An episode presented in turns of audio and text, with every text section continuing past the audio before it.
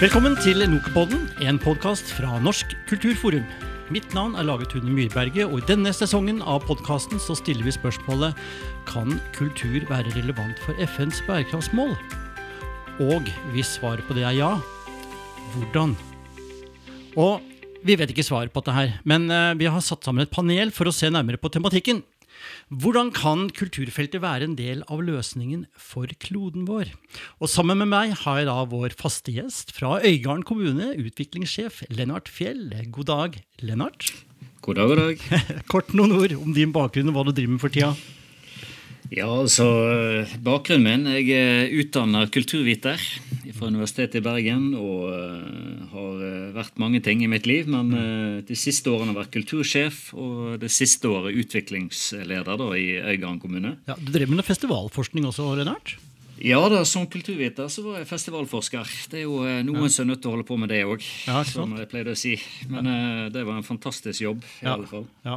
Det er, dette er jo ikke den første episoden vår, og du er jo en fantastisk løs kanon. Så jeg gleder meg til å høre hva du kan by på i dag. ja da, skal prøve og, å gjøre mitt beste. Ja, ja, og nummer to som fniser i, i, vårt faste panel, det er fra kommunesektorens organisasjon. Der har vi spesialrådgiver Line Anni Solbakken. God dag og velkommen tilbake, Line. Takk for det. Kan ikke du bare forklare, forklare litt fort for eh, leserne våre hva du driver med til daglig? Jo, du eh, jobber i KS, som sagt, og det er en organisasjon som jobber på vegne av alle norske kommuner og fylkeskommuner. Mm. Uh, der jobber jeg både interessepolitisk samt med ulike utviklingsprosjekter som skal bidra mm. til å realisere kommunesektorens ambisjoner på kulturfeltet. Mm. Og det ja, gjør jeg litt sånn på bakgrunn av ca. 29 års bransjeerfaring fra kulturfeltet. Da, både som administrativ og utøvende virksomhet. Nemlig. nemlig. Ja. Vi kan jo gjøre også oppmerksom at dette opptaket gjør vi da den 22. mars. Eh, og som sagt, eh, Vi har altså valgt ut bærekraftsmål eh, og raser gjennom de 17 målene på ulikt vis. Men i dag har vi da valgt ut ett av bærekraftsmålene, og det er nummer tre. God helse og livskvalitet. Altså sikre god helse og fremme livskvalitet for alle uansett alder. Altså livsløpet. Eh, og da er spørsmålet til dere faste paneler. Eh, har dere noe godt eksempel på at kultur er relevant for dette bærekraftsmålet? Kort. Line? Ja, Det er det jo fryktelig mange eksempler på, egentlig. Ja. Eh, men, men, vi kan ta eh, f.eks. behandling av demens da, som sykdom. Eh, vi vil jo i løpet av de, de kommende årene, pga. at det blir mange flere eldre, så mm. vil vi få en, en stor økning av personer over 90 med denne sykdommen. Ja. Og Det er jo en samfunnsutfordring. Eh, det kjennetegnes jo bl.a. ved svekka hukommelse, uro, irritabilitet osv. Og, så og så leter vi etter måter å dempe de her symptomene på. Mm. Og så viser forskninga at musikkterapi kanskje er en av de mest lovende tiltakene med god effekt på det her. Ja. Det tenker jeg er kjempespennende. Ja, bra. Og du Lennart, har du noe klokkeklart eksempel? Eh, klokkeklart. Ja, i alle fall et veldig aktuelt et. Eh, det har vært litt sånn eh, aktuelt tema for tiden, dette her med, med barn som eh, under covid-19 da mm. lever i voldelige relasjoner eller ja. blir misbrukt. Og hvor viktig det er å opprettholde de møteplassene de har utenom mm. i, i de nære relasjonene. Uh, Jeg syns det er et mm. godt eksempel mm. uh, på, på, at uh, i alle fall på at det blir aktualisert at det er viktig mm. med kultur for den psykiske helsa. Nemlig. Jeg skal hive meg på et lite eksempel selv. ja. Jeg jobba litt sammen med Knut Fallbakken i siste, og hans siste bok 'Stammeren'. Det er en krimbok. Og som en del av løsningsarbeidet for detektivene så er det å få denne stammeren til å prate, og da bruker de sangmetodikk. De får han til å synge.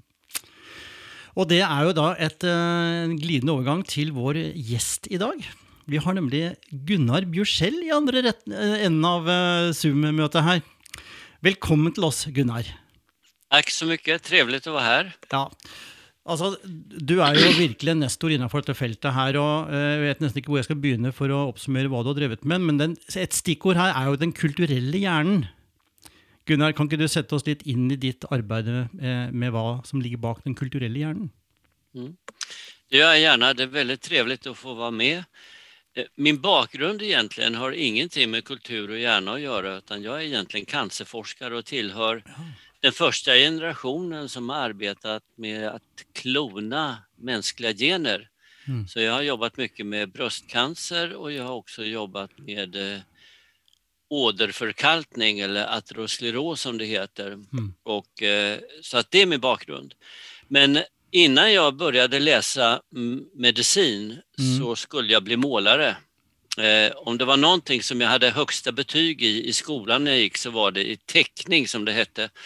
Så att eh, det var mina ambitioner men sen hade jag en kompis som sa det där kommer du aldrig att klara Gunnar, bli något riktigt. och, ja, ja.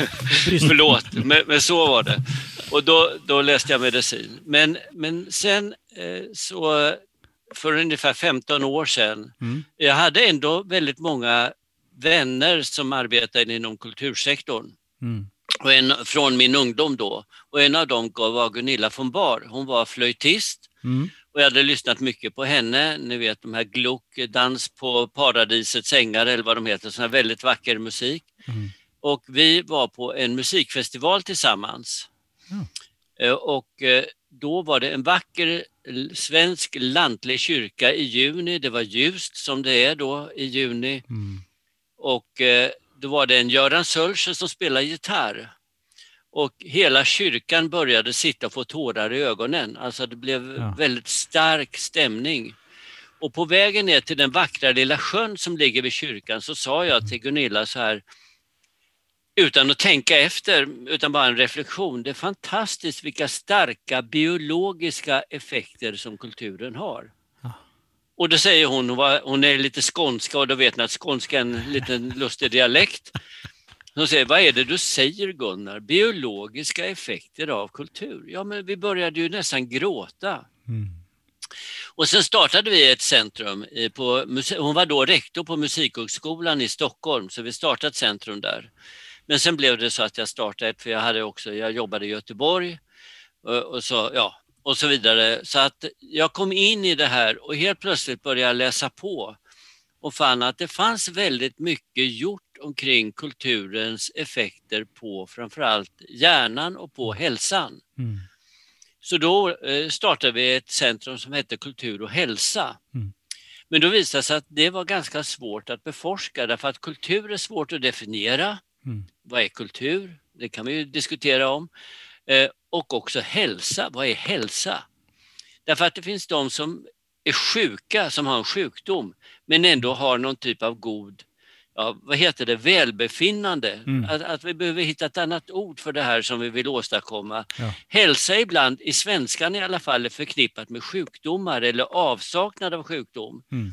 Men hälsa för mig är också mycket mer ett välbefinnande, så även en människa som kan ha en sjukdom kan ha ett högt välbefinnande. Ja, ni, ni är med på vad jag menar? Ja, ja. Mm. Och då, då istället så tänkte jag att det är mycket lättare att beforska kulturen och kulturens effekter på hjärnan. Mm. För då kan du mäta, man kan mäta som ni vet idag vad som mm. händer i hjärnan när man lyssnar på musik eller mm. när man tittar på en bild eller så.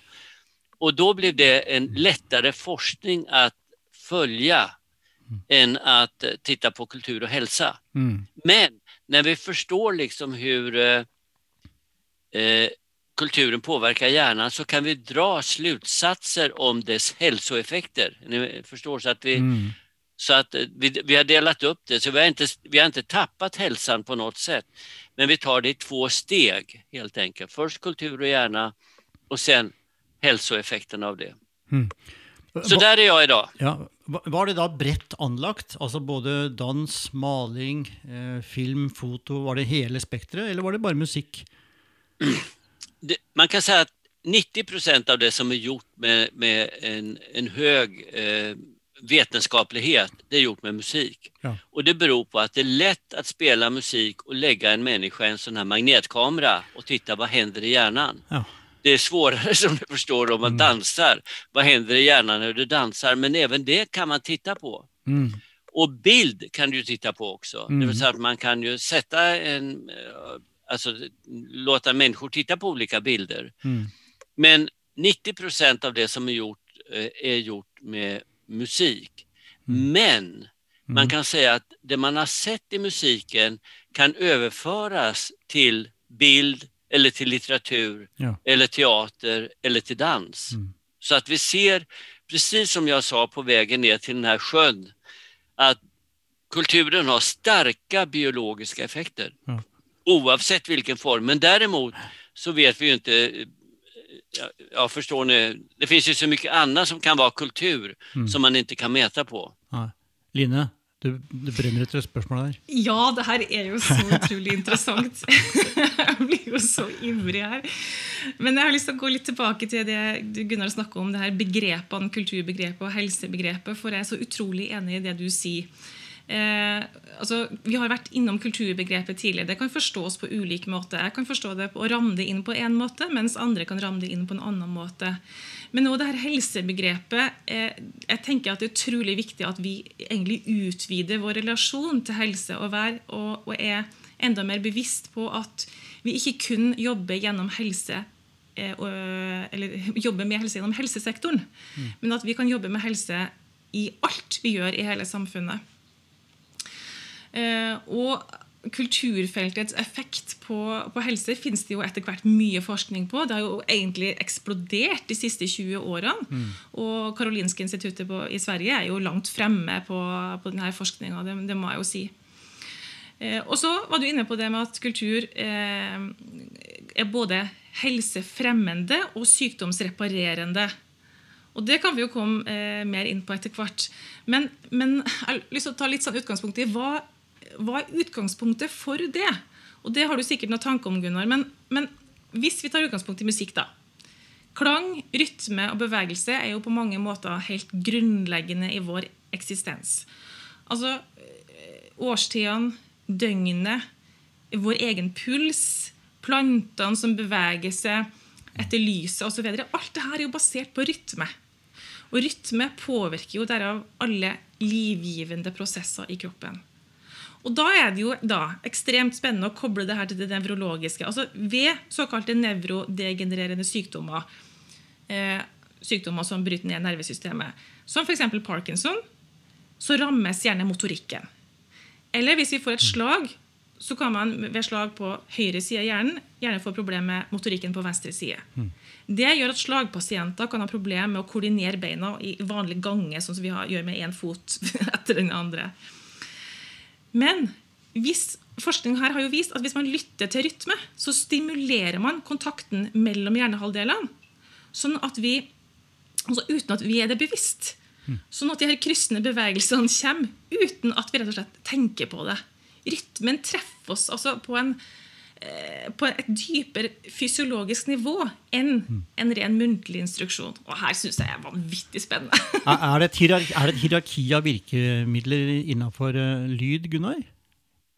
Förlåt? Er det et hierarki av virkemidler innenfor lyd? Alltså som, uh, absolut, ja. absolut det är det. Um, om jag skulle svara på Line till att börja med, får jag backa lite? Så det man vet idag, det är att vi har två sätt att kommunicera och som vi bär med oss redan från där vi ligger i livmodern. Så man har ju då testat att en sex månader gammal foster som ligger i livmodern mm. kan lära sig en melodi och en melodislinga. Wow. Och komma ihåg den sen efter födelsen. Det, det är finska studier, är många andra som har gjort detta.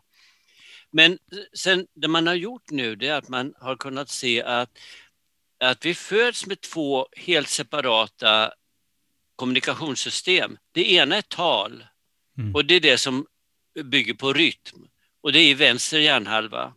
Och det andra är det som bygger på tonhöjd. Ja, och det ligger i höger hjärnhalva. Så vi föds med både musik, alltså musikalisk förmåga, tonhöjdsförmåga och eh, rytmisk förmåga. Och det Line säger, man har gjort väldigt mycket omkring rytm. Och den 4 maj kommer Laurel Trainer till oss och pratar. Mm. Eh, och hon pratar väldigt mycket om rytm. Och hon gjorde ett elegant experiment som, som har visats i många tv-kanaler och det kan ni titta på också. Det hon gjorde var att hon tog eh, vårdnadshavare, mamman exempelvis, och en, ett barn, ett två år gammalt barn. Och sen rörde hon sig rytmiskt till musik rytmiskt till musik med sitt barn. Och då såg hon direkt två väldigt tydliga effekter. Det ena var att det var en bindning då mellan mamman och barnet och också att barnet blev mer generöst. Det hjälpte till, det ville hjälpa mamman då och det är helt underbart att se. Men sen så, fick, eh, så tog de andra mammor och barn, eller papper och barn, vårdnadshavare då, och rörde sig orytmiskt till musiken. Mm. Och då blev det tvärtom. Barnet blev icke generöst, ville inte hjälpa till och var oförstående. Det vill säga det värsta du kan göra med ett barn, det är att skaka det. Ja. Så, va? För då, då vill inte barnet vara med dig. Ja. Förstår du? Så att det, det rytmiska här, det, det, är helt makalöst. Och sen har hon gjort jättemycket nu och pratar om hur, hur viktigt det är med rytmen. Ja. Så du ska filleriste ett barn för att få korrigera? ja. ja, alltså det... Ja, jeg er nødt til å få kommentere dette. her. Dette her er jo eh, Altså, I mitt hode så høres det ut som vi går ifra å ha forska på ting som eksisterer i forhold til kunst og kultur, og hva virkning det kan ha, til et, nå et nærmest paradigmeskifte der vi nå begynner å hente ut og kan faktisk bruke det. Og det høres jo livsfarlig ut, egentlig. Man kan jo nesten manipulere da, et barn, sånn som du forteller det nå. sant? Ok, Hvilke barn vil du ha? Jo, da vet vi. Da må du spille den og den type musikk, osv. osv. Det, er jo, eh, det er jo selvfølgelig eh, kjempespennende, og så høres det til og med litt, eh, litt farlig ut. Men jeg, jeg syns det Jeg har lyst til å bare dra fram. Jeg, jeg har et type syndrom som ikke så veldig mange kjenner til. Eh, eller egentlig så får ikke vi lov å kalle det syndrom, for det er bare positive effekter av det. Og det er at jeg, eh, jeg har synestesi, eller det som heter ordinal linguistic personification. Uh. Og det er en type krysskobling av, av, høyre og venstre hjernehalvdel, egentlig. så der, der den normale personen ser bokstaver, tall, former, så ser jeg personer òg i tillegg.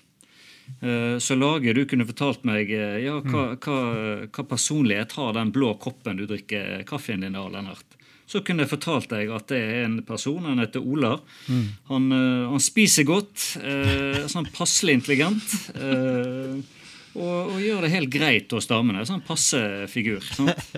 Og, og, det kommer helt naturlig. Eh, ja. og så bare tenker jeg Det er mulig å bruke kunst, kultur, musikk ja i fremtiden i hvert fall, til å skape samfunn som har det enda bedre og er enda bedre, mer bærekraftig, med andre ord. Men vi, vi, er, vi er, høres ut som vi er kommet i ja, i, i barnealderen i forhold til akkurat den type forskning. Og enda kanskje, uten at jeg vet det. Men det kan sikkert Gunnar si noe om. Er vi premature som kultur, Gunnar? Ja, det Om jag svarar på så här om vi tittar på hjärnans utveckling och hjärnans mognad så går den i väldigt tydliga steg. Man kan dela in den och säga vad händer under första året? Och det här vet ni. Och vad händer under andra året? Mm. Och vilka, vilka stimulanser är hjärnan mest mottaglig för i olika perioder? Och det känner man till ganska väl. Mm. Och på det sättet måste man anpassa sig förstås. Skolan måste anpassa sig, föräldrarna måste förstå liksom hjärnans begränsningar men också förmågor.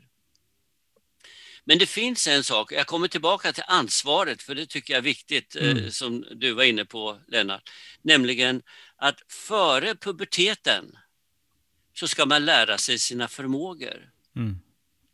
Eh, och det innebär att räkna, att tala, att skriva, men också andra förmågor kan utvecklas som empati. Vi, vi föds ju med ett antal förmågor, men de varierar. Det är väldigt viktigt att förstå att vi är olika. Om vi tittar på varandra här så är vi individer. Jag kan direkt säga Line, du har ingen som ser ut som du. Du är unik i världen om du inte har en enäggstvilling.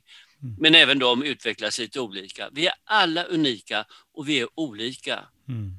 Det, det, är viktigt att ta hänsyn till och förstå men det vi kan göra och det viktiga, och det här är en tillgång för mänskligheten, i och med att vi är olika, olika kompetenser, så utgör vi fyra eh, en mycket större kompetens om vi samarbetar. För Lennart kan saker, Line kan saker, Lage mm. kan saker och jag kan andra saker. Mm. Och det är det som är viktigt. Så att mycket i det som, som behöver göras det är bland annat att skolan ska förstå att den prosociala effekten av kultur är väldigt viktig. Mm. Det vill säga att vi förstår att samarbeta och, och, och den empatiska förmågan är också en sån där sak som är viktig. Så här, här har vi ett enormt ansvar före puberteten för det är då de här sakerna är lättast att påverka. Sen blir det mycket svårare och det har man sett. Mm. En cellofröken kan säga, jag kan lära en tioåring att spela cello, men knappast en 50-åring. Mm. Är ni med? Mm. Det, det, är mycket svårare. Mm. mm. Så vi har ett fönster fram till puberteten eh, och flickorna går ju snabbare in i puberteten så mm. de här första 10-12 åren är väldigt viktiga att vi, vi tar vara på och också utvecklar våra kompetenser. Mm. Tittar vi på tavlor så ser vi bättre. Lyssnar vi på musik så utvecklas hörseln och vi hör bättre. Alltså vi har flera ljud mycket bättre och som sitter i hela livet. Mm. Och, och så vidare. Line, du hade kommentar? Eh, nei, bare det her, Du er inne på utdannelse og ansvaret vi har i forhold til barn. Og eh, Det er mulig vi har vært inne på det i tidligere podkast, men, men eh, fagfornyelsen i norsk skole har jo nå tre tverrfaglige temaer som det skal jobbes med. Og Et av de temaene er jo folkehelse og livsmestring. Eh, og Om det faget, eller det, det temaet så står det at man skal bl.a. utvikle et positivt selvbilde, en trygg identitet, trenes i mellommenneskelige relasjoner, håndtere tanker og følelser osv. Og da, Det er jo rett inn i det som kulturfeltet er utrolig god på. Så igjen ser vi et eksempel på at kulturfeltet kan være et helt konkret virkemiddel innenfor andre fagfelt. Nå har vi vært inne på, på eh, rent fysiologisk innenfor medisin, men her òg rett inn i skolens eh, arbeid. Det Line der sa noe interessant, eh, som selvfølgelig er en brannfakkel. Altså, det passer rett inn Eh, hva med det instrumentelle og det kunstens egenart? Da er vi i gang. Nå er vi i gang. Ja. vi i gang. Nei, men Det er egentlig ikke så veldig komplisert i det hele tatt. fordi at uh, Vi må ganske enkelt bare anerkjenne begge delene. Kulturen har en helt uh, ubestridt egenverdi som er viktig for oss, uh, hver enkelt av oss, i møte med kultur. Og så har kultur i tillegg en rekke ulike samfunnsverdier. Eh, og jeg tenker vi kan si ja takk begge deler uten at det er noe forkludring for, for den ene eller den andre sida. Og det vil jo være helt, eh, Selv om vi selvfølgelig skal ha en sånn grunnleggende forståelse for denne egenverdien, som gjerne er utgangspunktet for andre verdier, eh, så, så vil det jo være helt galskap å se bort ifra alle de samfunnsverdiene som kulturfeltet bærer med seg. Mm. Men, la meg utfordre panelet litt, Lennart. For ja. jeg er litt opptatt av at Ehm, det å være medvirkende, enten å sitte i salen og være publikummer, eller klappe med, eller å lære seg ferdighetene av å spille piano Ja da, du kan lære en tiåring å spille cello, men hva er verdien av å reelt skape et musikalsk uttrykk, utforske instrumentet uten å lære hvordan du skal gjøre det, men utforske det, og dermed skape musikk uten å kopiere? Hva ligger av verdi i ehm, den skapende mennesket, Gunnar? Och paneler för övrigt. eh, först och främst så eh, har man ju testat en del av det här. Laurel Trainer som kommer den 4 maj mm. har ett live lab i McMaster i Kanada. Och där testar hon möjlighet, alltså vad, är det någon skillnad på att lyssna på musik från en, en, en radio eller så, mm. Eh, eller titta på tv och lyssna på musik eller lyssna live. Mm. Och då har hon upptäckt att det är en väldigt stor skillnad. Mm. Därför att om du är live ihop med en artist, och det här, det här känner artister till, mm. att om man får den här publikkontakten så blir, uppstår något helt annat. Och det här, när vi lyssnar på musik så är det väldigt lätt att man sitter och svänger med.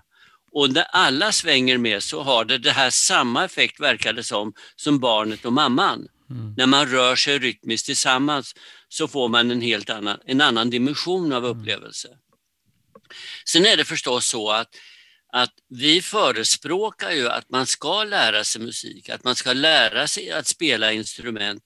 Därför att det här är ett sätt att lära sig öva. Vi, vi måste ju all, om vi ska lära oss att räkna, om vi ska lära oss att skriva, om vi mm. ska lära oss språk och så vidare, så gäller det att öva. Mm. Och musiken är fantastiskt bra på att lära sig att öva och sen få en belöning. Därför att man måste koppla ihop lärande och belöning också. Man måste tycka att det att åh, jag lärde mig det här i alla fall och sen vill man fortsätta att lära sig mer. Mm. Och det kommer jag komma tillbaka till. Det är otroligt viktigt att vi hela tiden eh, att hjärnan får utmaningar och nya utmaningar som den ska lösa. Mm. Det är den friska hjärnan. Den friska hjärnan ska stressas lite grann, inte för mycket, men den ska få hela tiden utmaningar som den löser. Mm. Men det ska komma en belöning efteråt förstås. Mm. mm. Ja, jeg syns det er veldig bra. Jeg, jeg, bare kommer på et eksempel eh, fra meg sjøl. Eh, jeg gikk på et salsakurs. Oi, her kommer det nye sider.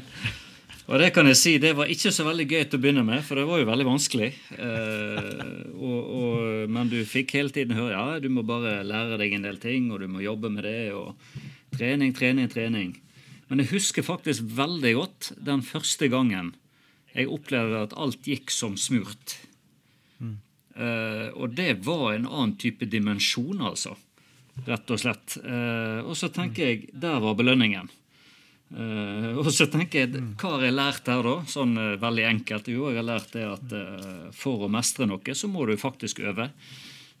litt grann. men du kan skape god musikk eller en god, en god salsa-dans.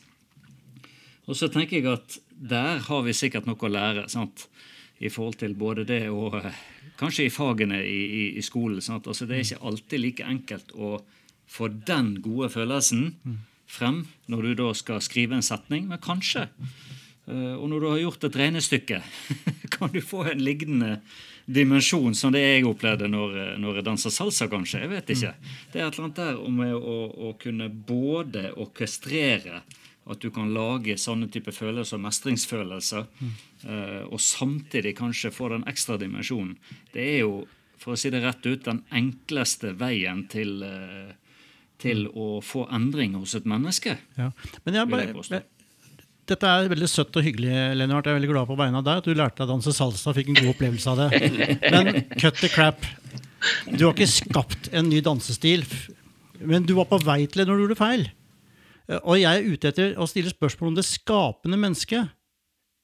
Altså, Vi lærer jo ikke å lese og skrive fordi vi skal ta imot ordrer og beskjeder. Det er jo for at vi skal lære oss å uttrykke oss og skape vårt eget univers og bli et subjekt.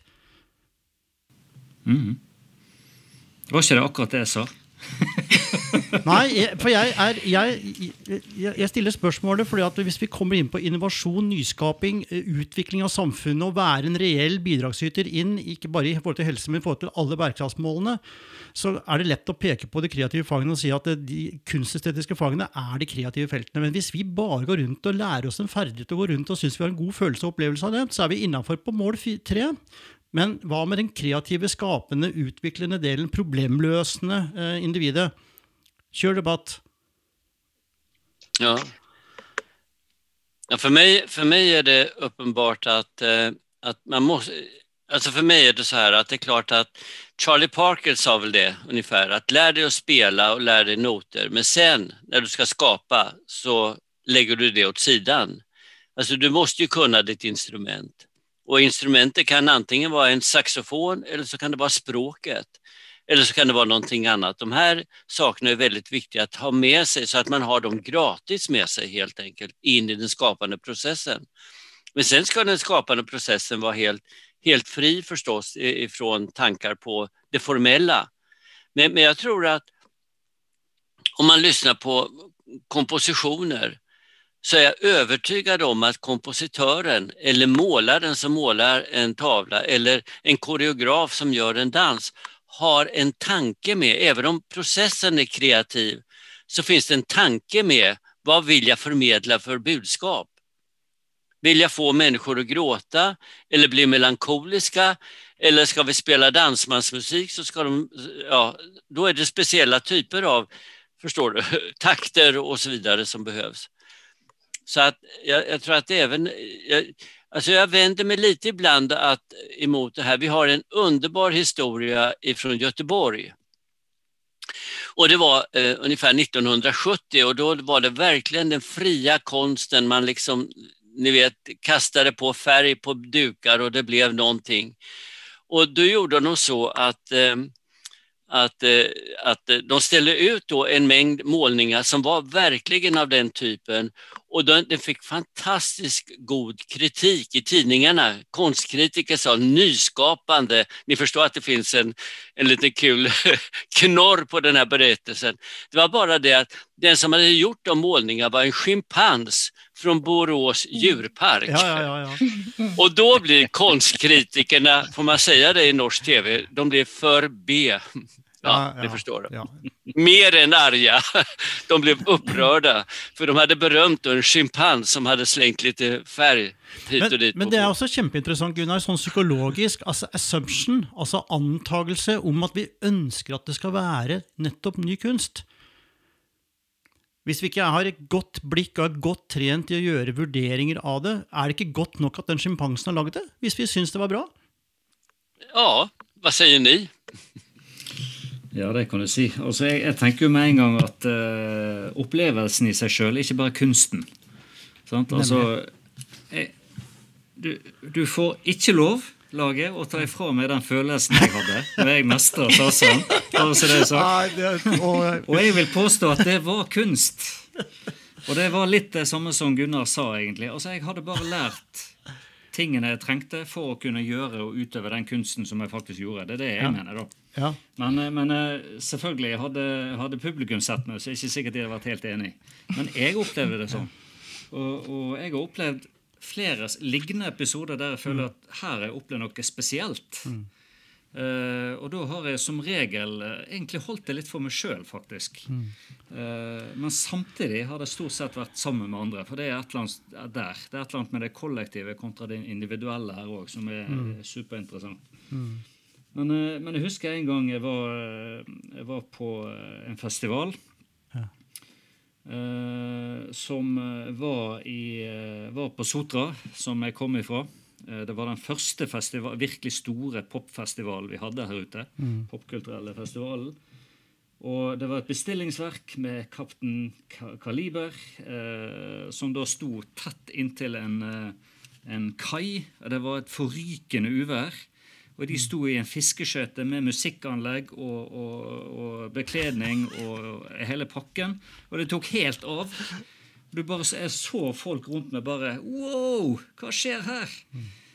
Og forskerbrillene mine bare ramlet rett av. For det var bare en helt fantastisk opplevelse. Jeg har aldri opplevd maken. Mm. Uh, og så tenker jeg, der skjedde det et eller annet. Ja. Uh, og, og, jeg tror ikke at vi kan opp, få det hver gang noen skal uh, regne eller lære seg å regne osv. Men det er jo klart det er en lang vei derifra til at noen får en sånn opplevelse. Det er mm. jammen mange verktøy uh, og orkestrering som skal til for at det skal skje. Og så tenker jeg Men det er et eller annet med denne oppbyggingen der som vi kan lære av kunst og kultur, tror jeg. Ja. Uh, og enda bedre uh, hvis vi kan begynne å manipulere det. sånn som så, sånn, så jeg pekte på i sted. Uh, for da kan vi få gode ting til, og så ja. kan det òg være litt sånn farlig, selvfølgelig. Ja. Kan, kan, kunst og kultur f.eks. Gunnar være farlig for helsen? Ja, Du kan bare se på hva som skjer i Hongkong for tida. Der går kinesiske myndigheter inn og begynner å styre åpningen av det nye museet. Mm. Line? Ja. Ja, det kan jo eh, like så godt være fordi at de er redd for den krafta som ligger i kultur. Nemlig. Og det er jo litt det mm. som eh, Og det ser jo historien eh, vår, både i Norge og i hele verden, at det at kulturlivet er en arena for ytringsfrihet, og i tillegg klarer å treffe både det intellektuelle og det emosjonelle i oss, og dermed har en stor kraft, det kan oppleves truende for for enkelte maktkonstellasjoner, selvfølgelig. Og vi har jo mange eksempler på at ja, totalitære styrer har forsøkt å stenge teatret og det ene og det andre.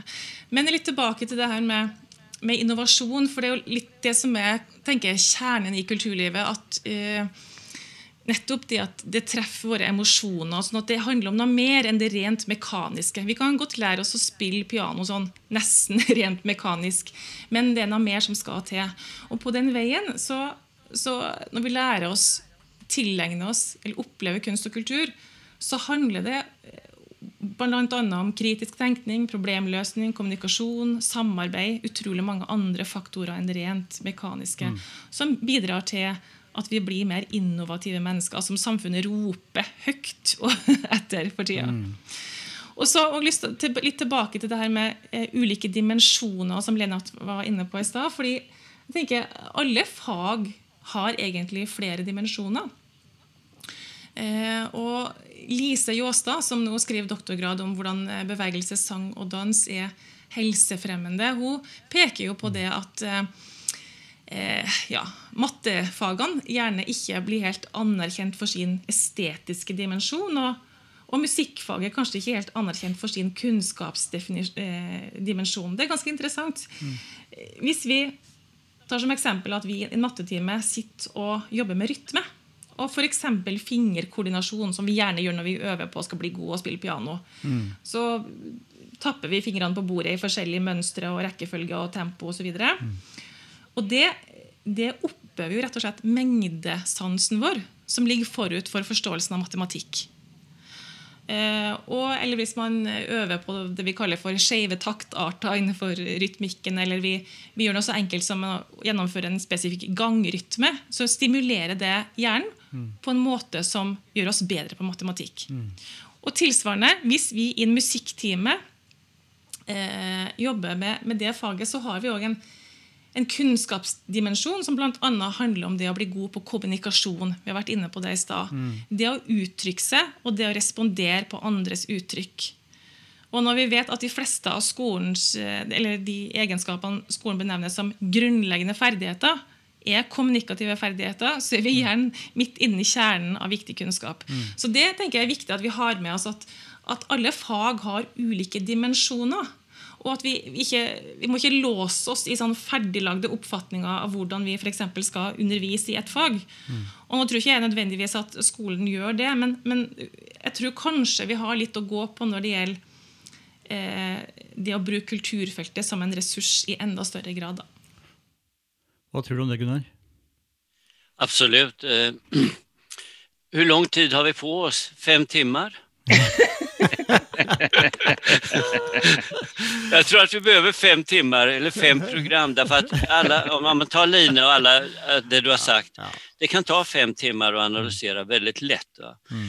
Eh, och, och jag håller med om, för mig är det så här, om jag ska vara personlig, det jag sätter värde på i kultur, det är att kulturen öppnar nya rum i min hjärna. Mm. Någonting som jag inte har sett tidigare får jag syn på i mig själv eh, mm. eller någonting som jag tänkt på. Mm. Och sen också att det finns en rytm. Rytm för mig är jätteviktigt. Mm. Att jag känner att det här är någonting levande. Även om det är en målning så är den levande. Den lever på något sätt och den, den blickar framåt. Alltså jag är själv blir en del av konstverket. Förstår ni vad jag menar? Mm. Och utveckla det där konstverket. De sakerna tycker jag är jätteviktiga. Mm.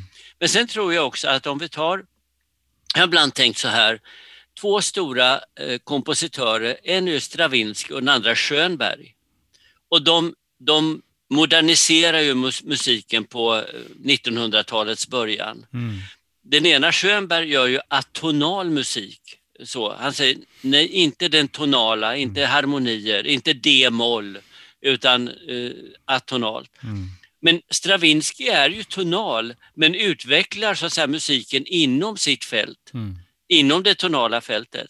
Och samtidigt så är Picasso när han målar sin, eh, de fyra Les Demoiselles d'Avignon som den heter, den här eh, ikoniska, den målar han precis samtidigt som Stravinsky, Schönberg och så ja. utvecklar helt nya former. Mm. Jag tycker det är jätteintressant därför att jag brukar säga så här, hjärnan är i grunden lat.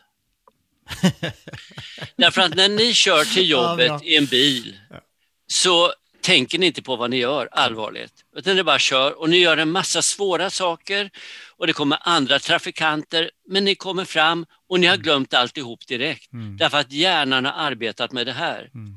Men det viktiga för mig och det viktiga att säga att om man ska ha en frisk hjärna mm. så måste man också ha det unexpected, den överraskningen. Mm. För om du kör till jobbet och det kommer en idiot och kör mot rött ljus, mm, mm. då tänker du att nästa gång när du kommer till den, det krysset, vägkrysset, här ska jag se upp. Då har hjärnan lärt sig någonting nytt. Och det gäller inom konsten också, att man måste också få överraskningsmomentet någonstans för att utveckla hjärnan. För annars går den bara automatiskt så här hela tiden. Och det är inte en frisk hjärna. Den friska hjärnan behöver hela tiden det här utvecklingsmomentet. Och det menar jag att bra konst för mig ger den effekten. Use it or lose it. Nettopp. Just det. Nettopp. Ja. og det Gunnar sier nå, er så utrolig viktig. Og det er viktig når vi skal utvikle kulturpolitikk òg.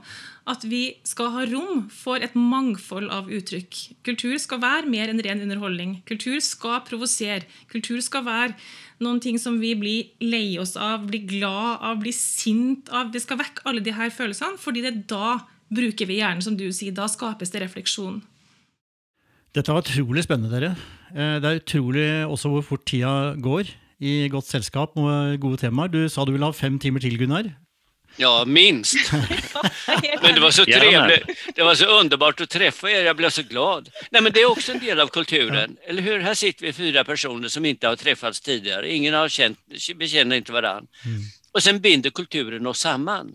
Mm. Och vi kan direkt, vi har alla våra replipunkter, ni vet vad jag talar om, jag vet vad ni talar om. Mm. Kulturen är internationell mm. eller så. Mm. Har vi bara, och det menar jag är det viktiga med skolan. Mm. Det är skolan som ska ge oss den här basen att stå på. Mm. Och ni vet alla vad jag har talat om. Mm. För ni har samma, samma grundbas på något sätt. Och det där tror jag är oerhört viktigt för skolan att ge alla barn den basen så att vi kan föra ett sånt här samtal. Tematisk jam session? Ja. ja. Det her har vært utrolig spennende, og jeg føler meg sikker på at alle panelene mener at uh, vi fortsatt uh, kan bidra til bærekraftsmålet fra kultursida. Så vi skal runde av denne episoden her, og så takker vi alle i panelet for at dere har vært med. Och og så takker vi deg spesielt som har lytta på det her. Og så kan du kose deg med andre episoder som har vært, og episoder som kommer i Nokupodden. Takk for i dag. Du har hørt en episode fra Nokupodden. Den er produsert for Norsk kulturforum, som er interesse- og kompetanseorganisasjon for kultursektoren i kommuner og fylkeskommuner over hele landet. NOKU handler om å samle og dele kunnskap og erfaringer for å styrke den lokale kultursektoren. Vi brenner for aktivt og engasjerende kunst- og kulturliv som skaper gode lokalsamfunn og gir mennesker økt livskvalitet. Vi håper du likte episoden, og at du finner mer interessant i andre episoder som vi også har liggende på våre kanaler. Produksjonen er gjort av Lage Tune Myrberget for Storyphone, spesialister på digital kultur. Vi høres i neste episode.